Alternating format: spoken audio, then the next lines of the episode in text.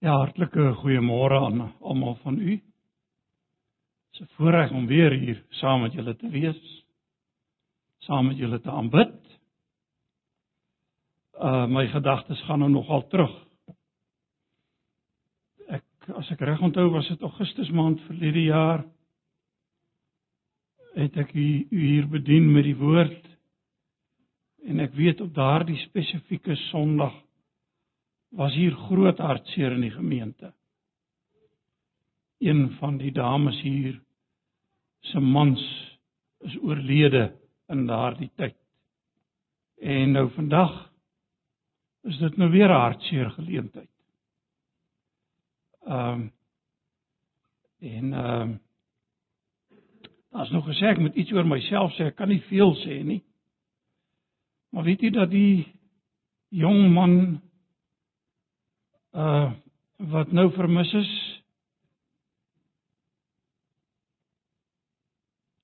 sy oupa en ouma aan die ma se kant. Dirk Coetzee van Luitriga Hulle het uit Kenia uitgekom in Suid-Afrika aangeland en as was lidmaat het lidmate geword waar ek as 'n jong predikant bedien het So eintlik kom ek 'n lang pad saam met hulle ken van Marina en haar man baie goed. Ek het nou nie die kinders geken nie. Maar dit is so hartseer as so iets gebeur. En dis in tye soos die wat 'n mens opnuut nodig het om jou geloof baie keer hardop te bely. En dis wat ek graag vanmôre met u wil deel. Nou ek het as jong man uh geroepe gevoel tot die bediening. Uh ek het seminarium toe gegaan, my studies daar voltooi.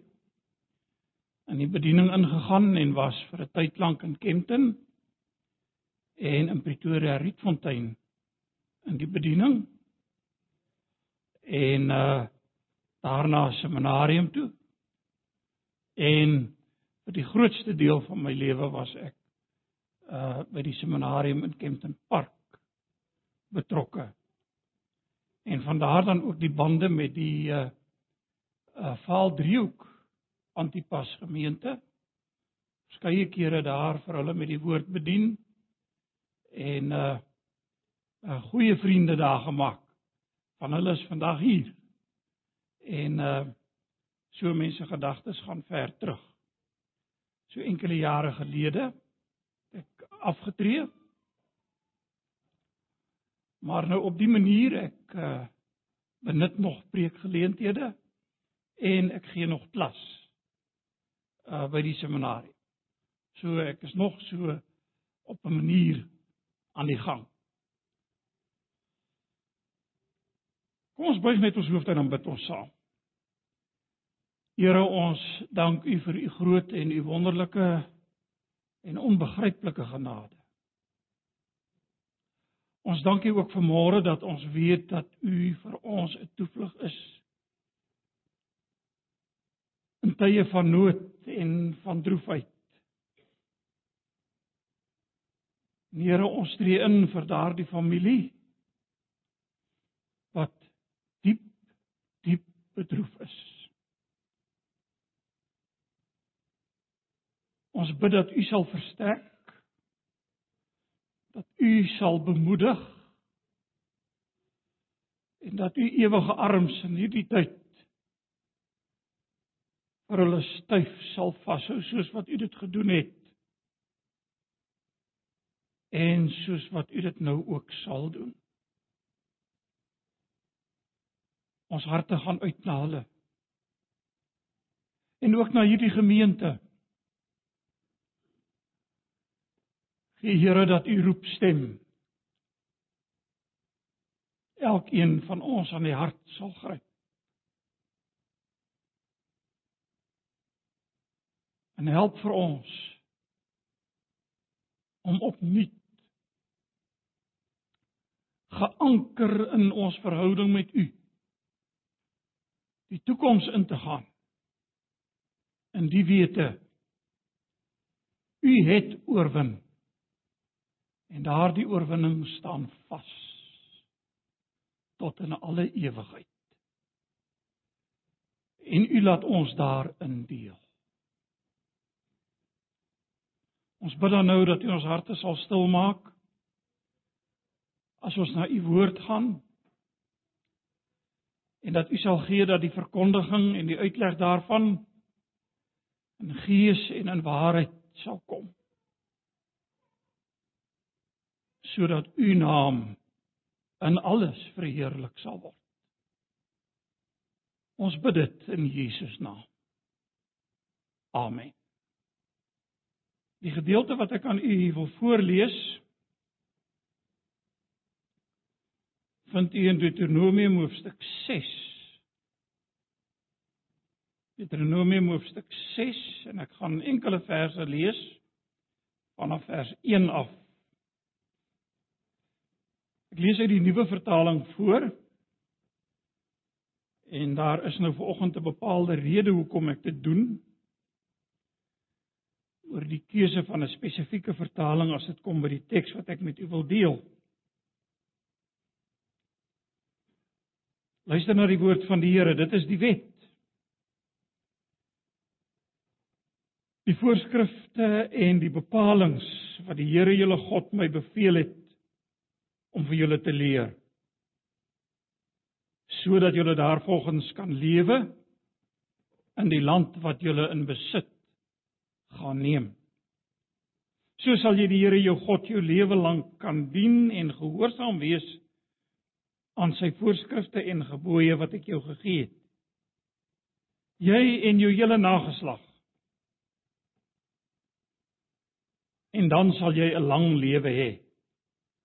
As jy luister Israel en as jy gehoorsaam is en lewe volgens my gebooie, sal jy voorspoedig wees en uitermate baie word in die land wat oorloop van melk en honing. Dit is wat die Here, die God van jou vaders jou beloof het. Luister Israel. Die Here is ons God.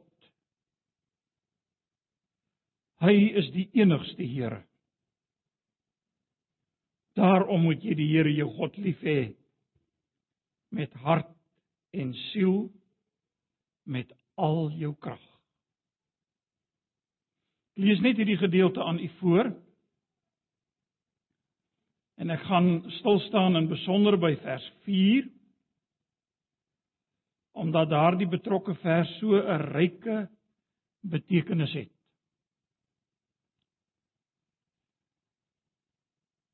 En miskien moet ek begin deur te vra as gelowige, as belydende Christen, as iemand wat die Here Jesus ken as verlosser en saligmaker, het jy al ooit getwyfel? Nou moet dit nou nie hardop antwoord nie. Ek weet toe ek as 'n jong man seminarium toe is, was dit verskriklike ek dink so na aan die doodsonde as wat kan kom as jy so praat van twyfel. So as jy so twyfel het jy stil gebly daaroor. En as daar enige moeilike vrae in jou gemoed opgekom het, het jy maar geswyg soos die graf. Want uh jy was bang vir die oordeele van mede studente en dosente wat jou mag tref in daardie oomblik van swakheid en van vertwyfeling. Maar weet jy wat? Ek het dit beleef.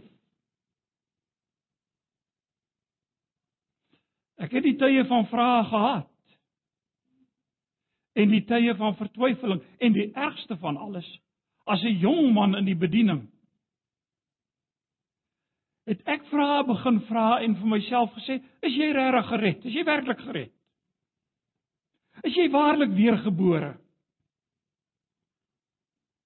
Is jou geloof wat jy bely eg? En natuurlik, u kan dink dit het soos 'n stoomroller effek in my lewe begin werk en ek moet preek voorberei en ek moet Sondag op die kansel gaan staan voor 'n gemeente en hier's twyfel in my eie hart. Op 'n wonderlike manier het die Here in daardie jare deur die ingrype van 'n goeie vriend in my eie lewe gewerk. En weer opnuut aan my die waarheid van die woord bevestig.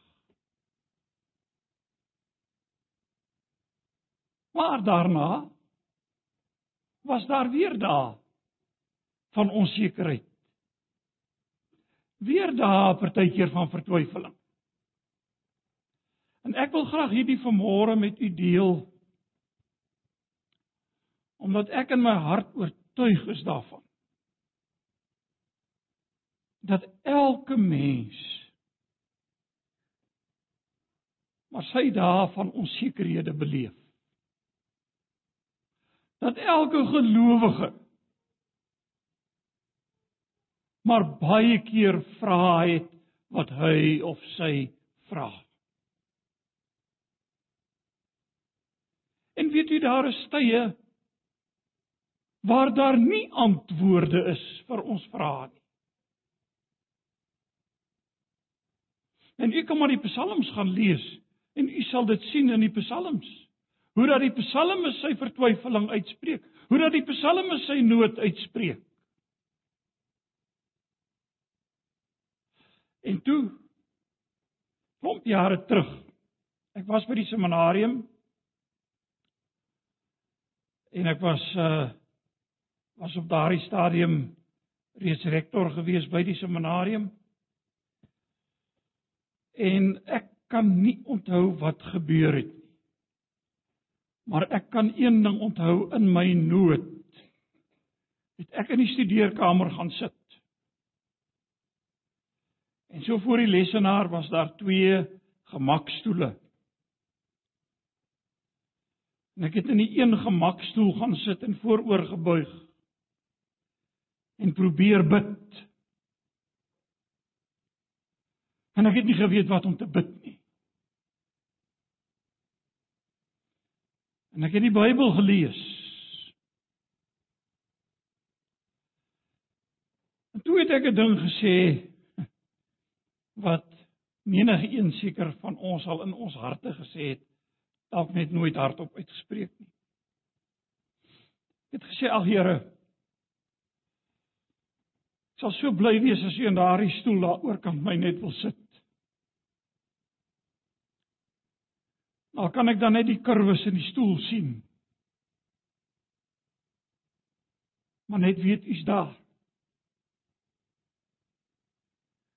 En toe doen ek 'n ding wat nou seker baie vreemd is vir enige baptiste leraar om te doen. Ek gaan staan op my knieë en ek bid die apostoliese geloofsbelijdenis hardop. En ek begin en ek sê ek glo in God. Die almagtige Vader, skepper van hemel en aarde. En ek gaan deur die apostoliese geloofsbelijdenis. En weet jy, dis die uitdaging wat ek vanmôre na u wil bring.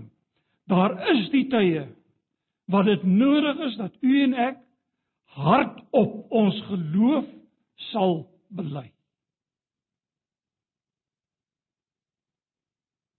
Dat op dat ons op ons knieë sal gaan. En sal sê glo. Nou ek ek wil nou nie te veel oor die term geloof sê nie. Maar ek dink tog ons moet net iets verstaan waaroor geloof gaan. Jy weet uh, Die skrywer van die Hebreërbrief stel dit geloof is 'n vaste vertroue op, op die dinge wat ons hoop. 'n Bewys van die dinge wat ons nie sien nie. Nou in die teologie word daar baie keer gepraat van die leegheid van geloof en die gerigtheid van geloof. En daar's 'n groot waarheid in dit wat ek nou sê. Want sien, ek glo nie in my geloof nie. Ek glo in God. Ek glo in die soenverdienste van die Here Jesus wat in my plek staan. En as ons praat van regverdiging deur die geloof, dan beteken dit dat geloof is slegs daardie instrument waardeur die geregtigheid van die Here Jesus my toegereken word. Maar Jesus is die inhoud van my geloof. God is die inhoud van dit wat ek glo. As ek in die oggend eet en ek geniet 'n bord pap, dan gebruik ek 'n lepel en ek eet. Die lepel is die instrument waardeur die pap na my mond toe kom. Die lepel is nie my versadiging nie. Geloof is die instrument waardeur die geregtigheid van die Here Jesus Christus my toegereken word. Geloof as sodanig is dus in 'n sekere sin leeg. Maar geloof is gerig. Gerig op God en op wat hy gedoen het in die Here Jesus. Nou het ons vanmôre 'n Ou Testamentiese geloofsbelijdenis saamgeleef, lees. En ek wil ek wil graag hê ons moet by hierdie geloofsbelijdenis 'n bietjie stil staan. En dit is in Deuteronomium 6 vers 4. Luister weer na die woorde. Luister Israel. Die Here is ons God. Hy is die enigste Here. Hierdie geloofsbelijdenis word vandag nog deur die ortodokse Jode bely elke dag. Hulle bid dit elke dag. Hierdie gedeelte staan ook by hulle bekend as die Shema. Nou die Shema is die Hebreëse woord vir hoor of luister. En dis waarmee hierdie gedeelte begin. Shema, hoor, luister. En weet jy in die Hebreëus bestaan hierdie hele versie net in 6 woorde. Die hele sinnetjie. En ek gee dit vir u. Praat nou nie in tale nie. Shema Israel. Hoor Israel. Yahweh Eloheinu beteken Yahweh ons God. Yahweh Echad. Yahweh een of alleen. Hoor jy die rykdom van wat hier gesê word? Luister waarmee begin hy. Hoor Israel. U sien Israel projekteer nie hulle eie God nie. Hulle moet hoor wie God is. En dis wat u en ek so nodig het om te doen. 'n Mens in jou eie denke, in jou eie agtergrond projekteer partykeer so maklik die God van jou denke.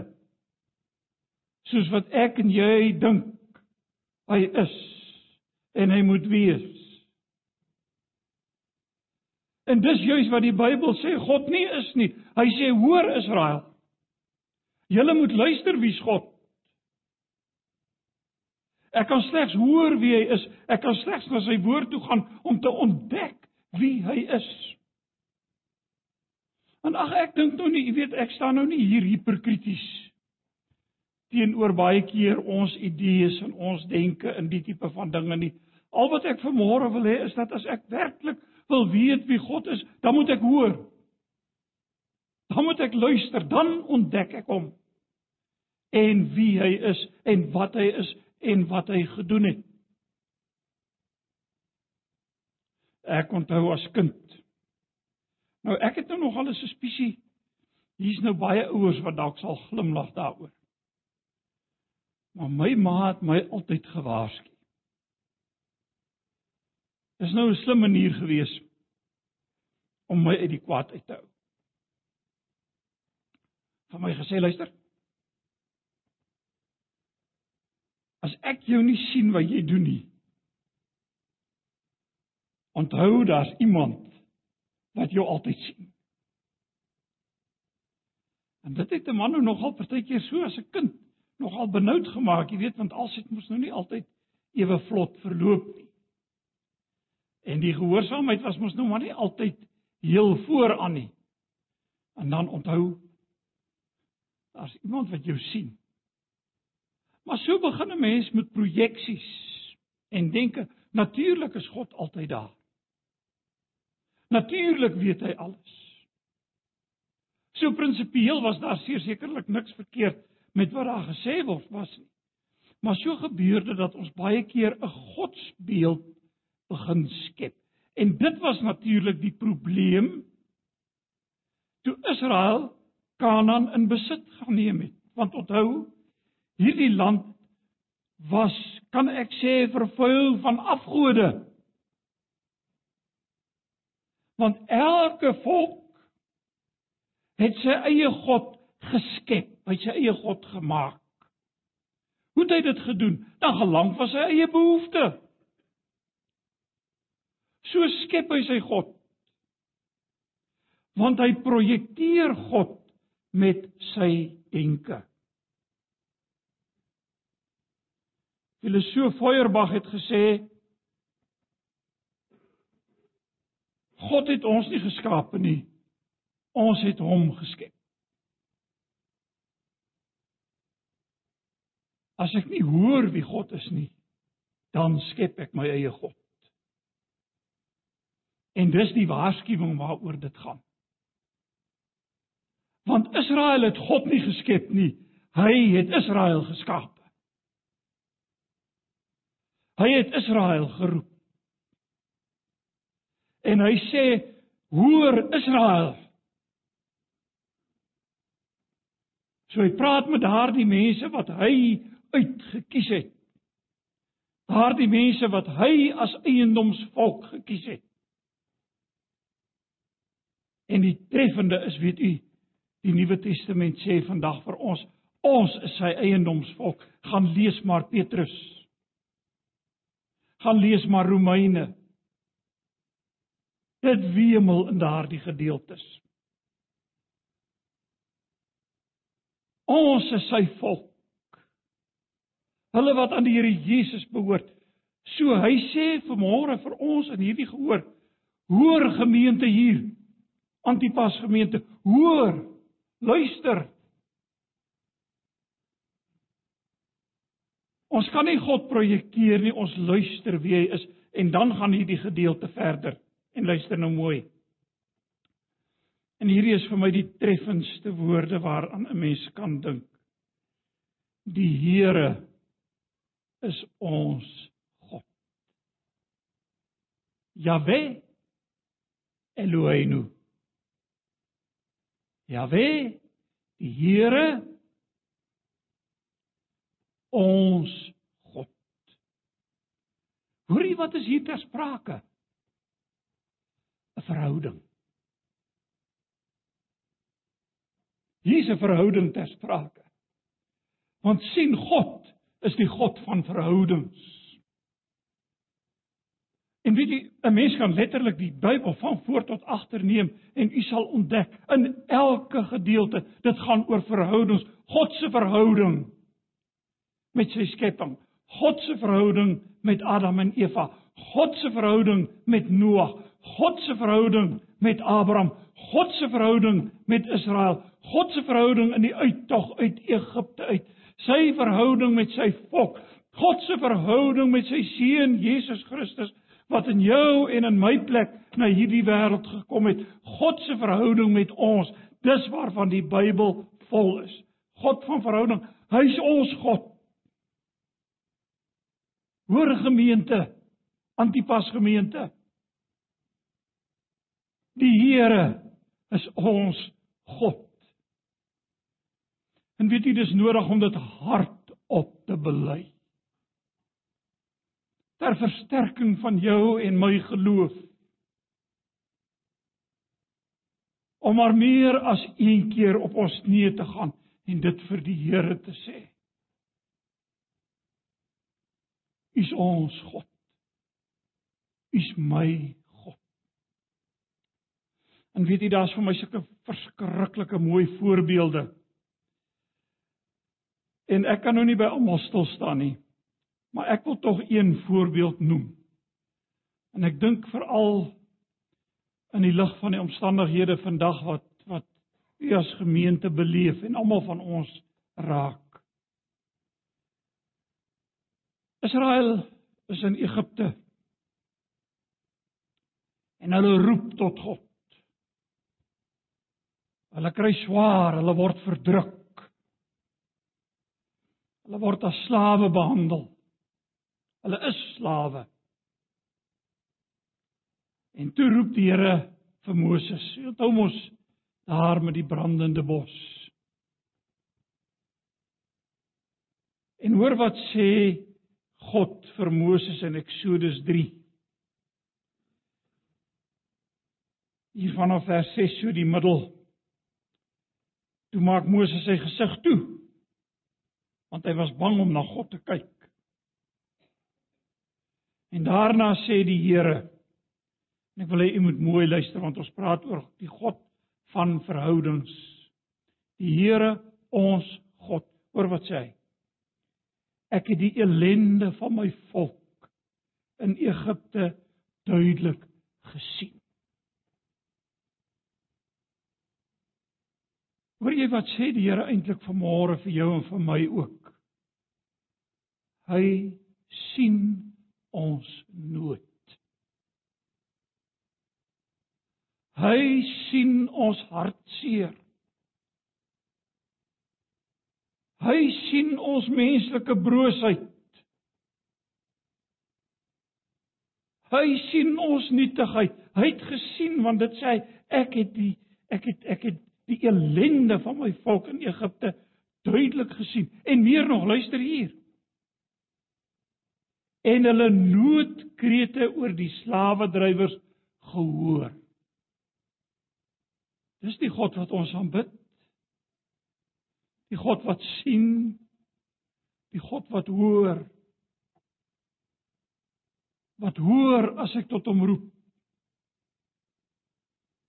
wat gehoor het daardie dag toe ek in die studeerkamer gesit het en gesê het ag ek wens so as jy net hier kan sit in die stoel hier oorkant my dat ek net al kan ek net die kurwe sien. Hy het gehoor hy het gesien. Want hy het gekom om my geloof te versterk.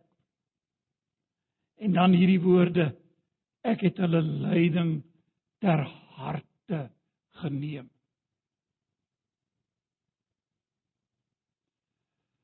Jy sien ons lyding en ons smart en ons teleurstellings gaan nie maar net by hom verby nie. Hy sien, hy hoor en hy neem ter harte. Hy's 'n God van verhoudings. En dan sê hy daarom het ek afgekom om hulle te help.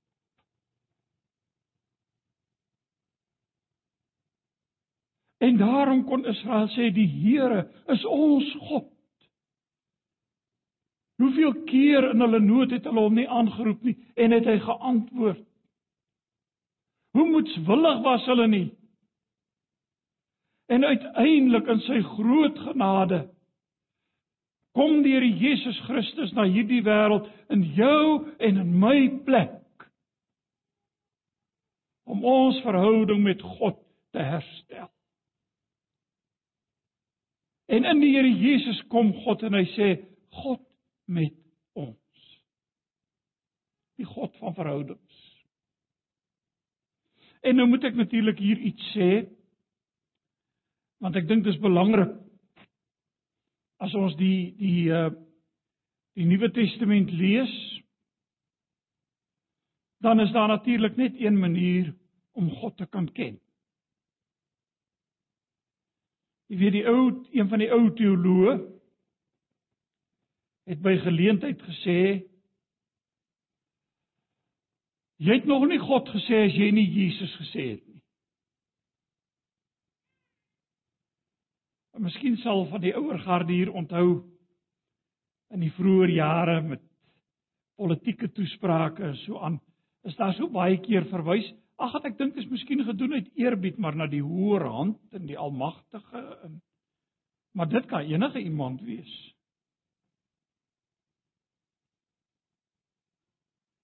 Want ek meen die moslim praat ook van die hoër hand en die almagtige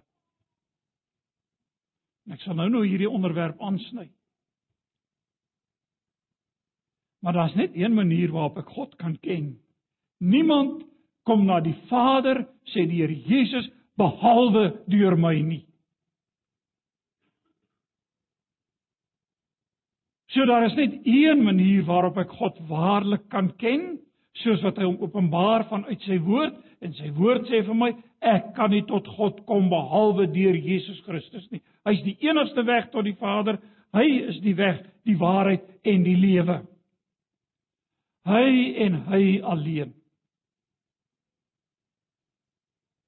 En ek weet ons lewe in in vreemde tye.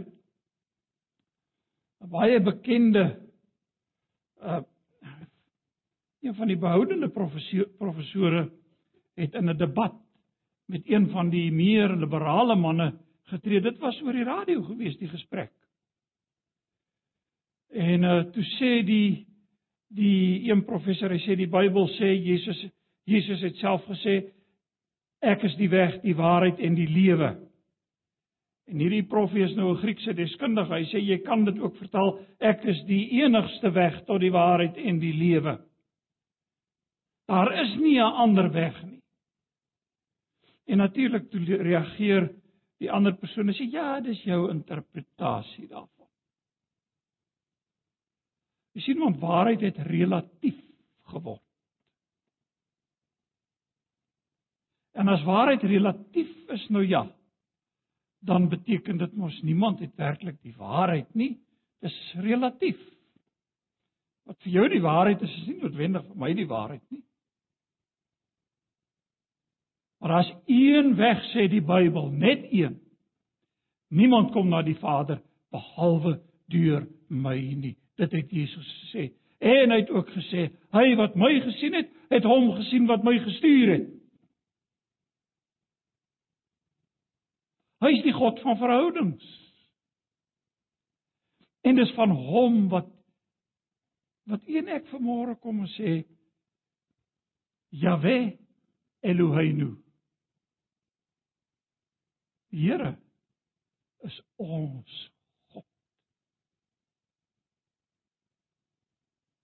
Ag sal ons dit nie met oorgawe opnuut bely in ons lewe nie. Hoor Israel. Die Here is ons God en dan laaste gedeelte daar. Die Here is ons God. Vers 4. Hy is die enigste Heer. Jahwe Echad. Daar's niemand buite hom nie. Ek wil graag die fokus op hierdie manier daarop laat val. Daar is ook 'n ander manier wat waarop wat 'n mens kan bywerk hier wat ek nie graag ons het nie tyd daarvoor nie, maar ek wil die fokus hierop laat val vir al in die omstandighede waarin ons leef. Weet jy ek lees dis nou hele klompie jaar gelede en jare gelede en ek het nogal die tydskrif gebeere. 'n Tydskrif, ek weet nie of hy nog verskyn nie, Dekat. Uh En iemand het dit vir my gegee en ek het die ding so goed gebeere met die aftrede en die trekkery is hy so gebeere dat ek nou nie weer die tydskrif in die hande kan kry nie. Maar weet jy, daar het 'n paar interessante opmerkings na vore gekom. Een prediker en ek ek ek sal nou verkieslik maar nie die denominasie behoort uh, waaraan hy behoort noem nie, maar 'n uh, uh, protestantse denominasie en ook 'n akademikus. Hy het hy het die opmerking gemaak en gesê uh dit gaan oor hierdie ding van waarheid wat relatief is. Hy sê ons verkondig mos nou nie meer die evangelie om mense uit die hel se vuur te ruk nie. Ons is nou verby daardie stadium. Ons verkondig die evangelie om iemand anders in sy eie tradisie te verryk. Hy sê dis soos die musiek van Mozart. Dis mooi om daarna te luister. En so kan die tradisies mekaar verryk. Hy sê jy's of 'n Christen gebore Sjoe. Of 'n moslim gebore. Hy noem dit En broers en susters, ek haal op aan wat ek nou sê. Hy sê en dit is nie goed om godsdienstig te migreer nie. So bly in die tradisie waar jy is. Is dit die boodskap van die Bybel? Luister wat sê die skrif. Hy is die enigste Here. Ek onthou 'n klomp jare gelede ehm uh, was daar 'n byeenkoms so 'n sameroeping en 'n byeenkoms van mense wat saam gaan bid het vanuit verskillende geloofstradisies. Nou onthou geloofstradisies beteken hier enigiets denkbaar. En die mense sou daar in Kaapstad op Tafelberg dink ek by mekaar kom en hulle sou nou saam bid. Kan ek seker daar's dalk van julle wat iets daarvan onthou. En toe vra hulle nogal in een of ander program oor die radio vir nogal een van die mense vir wie ek groot waardering het. Wat dink hy daarvan? Toe sê hy ag nee, hy sê ons het daar 'n voorbeeld in die Bybel. Toe julle daar met die profete van Baal en hulle het tot hulle God geroep dink ek, "Sjoe. Ek wonder of hy nou verder gelees het want wat het daai dag met die profete van Baal gebeur?" Want sien, wat die Bybel betref, is daar een God, een ware God. En nêrens in die Bybel sal u sien dat die Christelike geloof, die Joodse geloof soos in die Ou Testament saamgevat, verdraagsaam is. Miskien is verdraagsaam die verkeerde woord, maar julle verstaan wat ek bedoel teenoor ander godsdienste nie.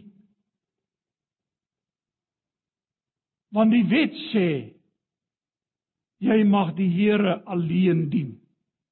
Niemand anders nie. Jy mag geen ander gode voor jou aangesig hê nie.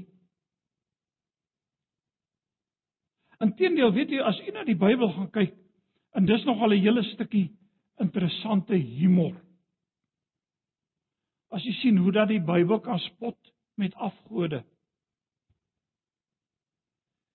En dit is interessant dat die Bybel nêrens sê ag hierdie mense het nou ook 'n stukkie van die waarheid weet. Jy weet, net soos die Christene 'n stukkie van die waarheid weet het in hierdie en daardie en daardie. Dit word nie gesê nie. Dink maar aan Elia. Toe die ark weggevoer is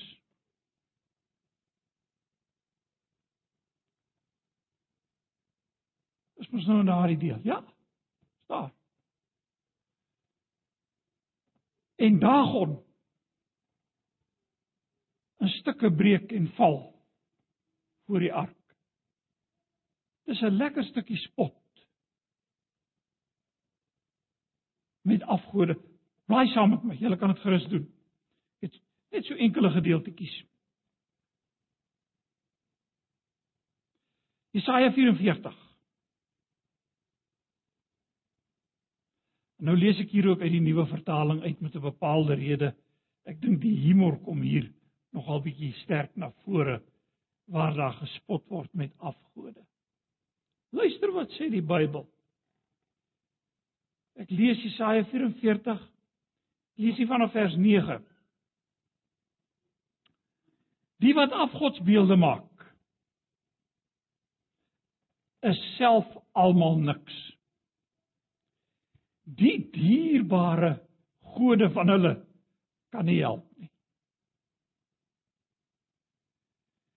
Die wat vir hulle moet getuig, kan nie sien nie.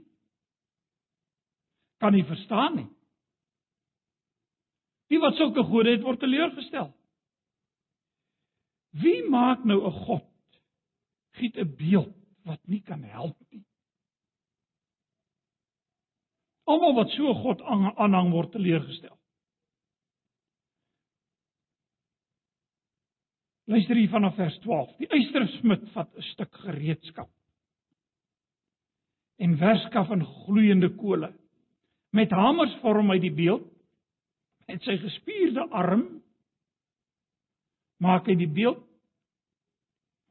Die smid eet nie. En hy word swak want hy's 'n gebroke mens, hy's 'n skepsel. Die smid eet nie en word swak. Hy drink nie water nie en raak uitgeput.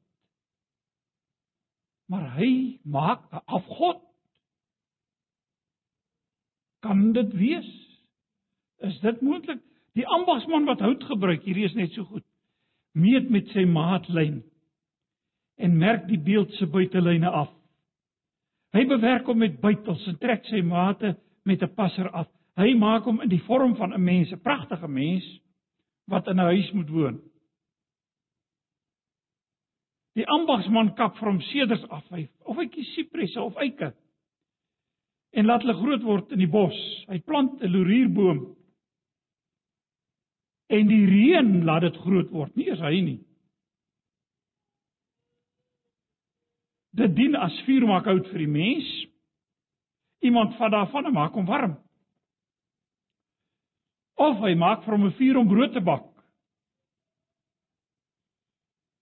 Of hy maak 'n god en aanbid dit. Is dit denkbaar moontlik? Hy maak 'n god en buig daarvoor. 'n Deel van die hout verbrand hy. Hy maak kos daarmee gaar. Hy braai vleis en eet tot hy genoeg het. Hy maak hom ook warm en sê dis lekker. Ek is warm, ek geniet die vuur. En van die hout wat oorbly, maak hy 'n god, 'n beeld en buig voor hom en bid, aanbid hom en hy bid tot hom en sê: "Red my, want jy is my God." Kan u die fyn spot van die Bybel raak sien. Hoekom? Want luister na hierdie woorde. Luister Israel. Die Here is ons God. Hy is die enigste Here. Daar is niemand anders nie. Dis as jy en ek te doen het met die multigeloof kwessies wat op hierdie stadium baie populêr is. Ek het eendag geluister waar uh, en dit kan ek nou maar aanhaal. 'n uh, Biskop Desmond Tutu gesê het: "Ons is mos almal gelowige mense in Suid-Afrika." En dit maak nie saak wie of wat jy nou aanbid nie. After all was sy woorde God is not the God of the Christians.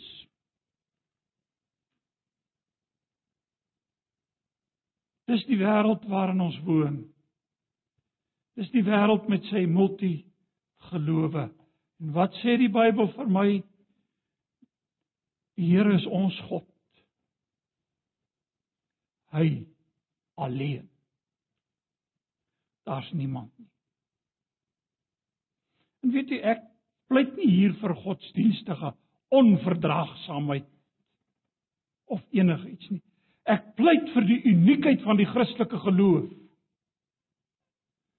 Want as ons die uniekheid van die Christelike geloof verloor, het ons alles verloor.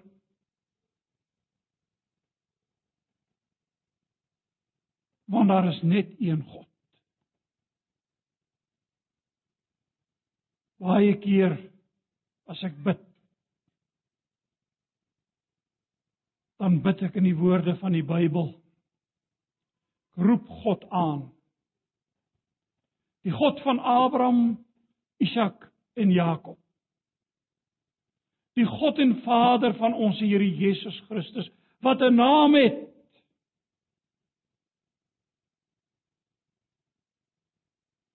En die Bybel gee vir ons sy naam.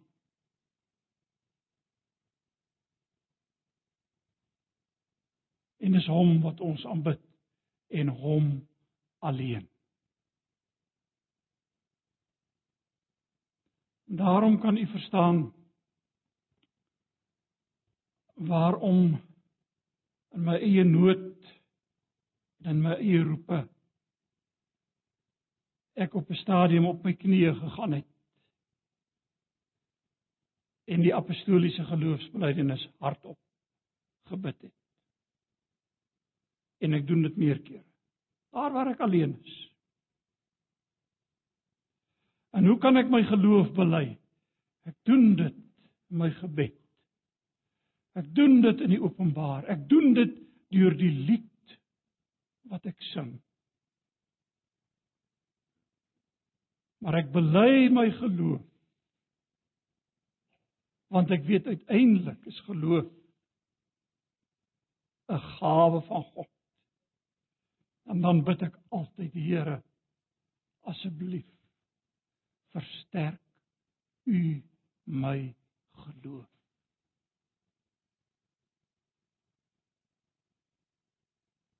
Sal u dit doen as u 'n vertwyfeling is? Maar nie net dan nie. Doen dit gereeld. Sê maar saam met die Bybel die woorde van Deuteronomium 6 vers 4. Hoor Israel, die Here is ons God. Die Here is die enigste. Net hy. Amen. Kom ons buig ons hoofde in gebed.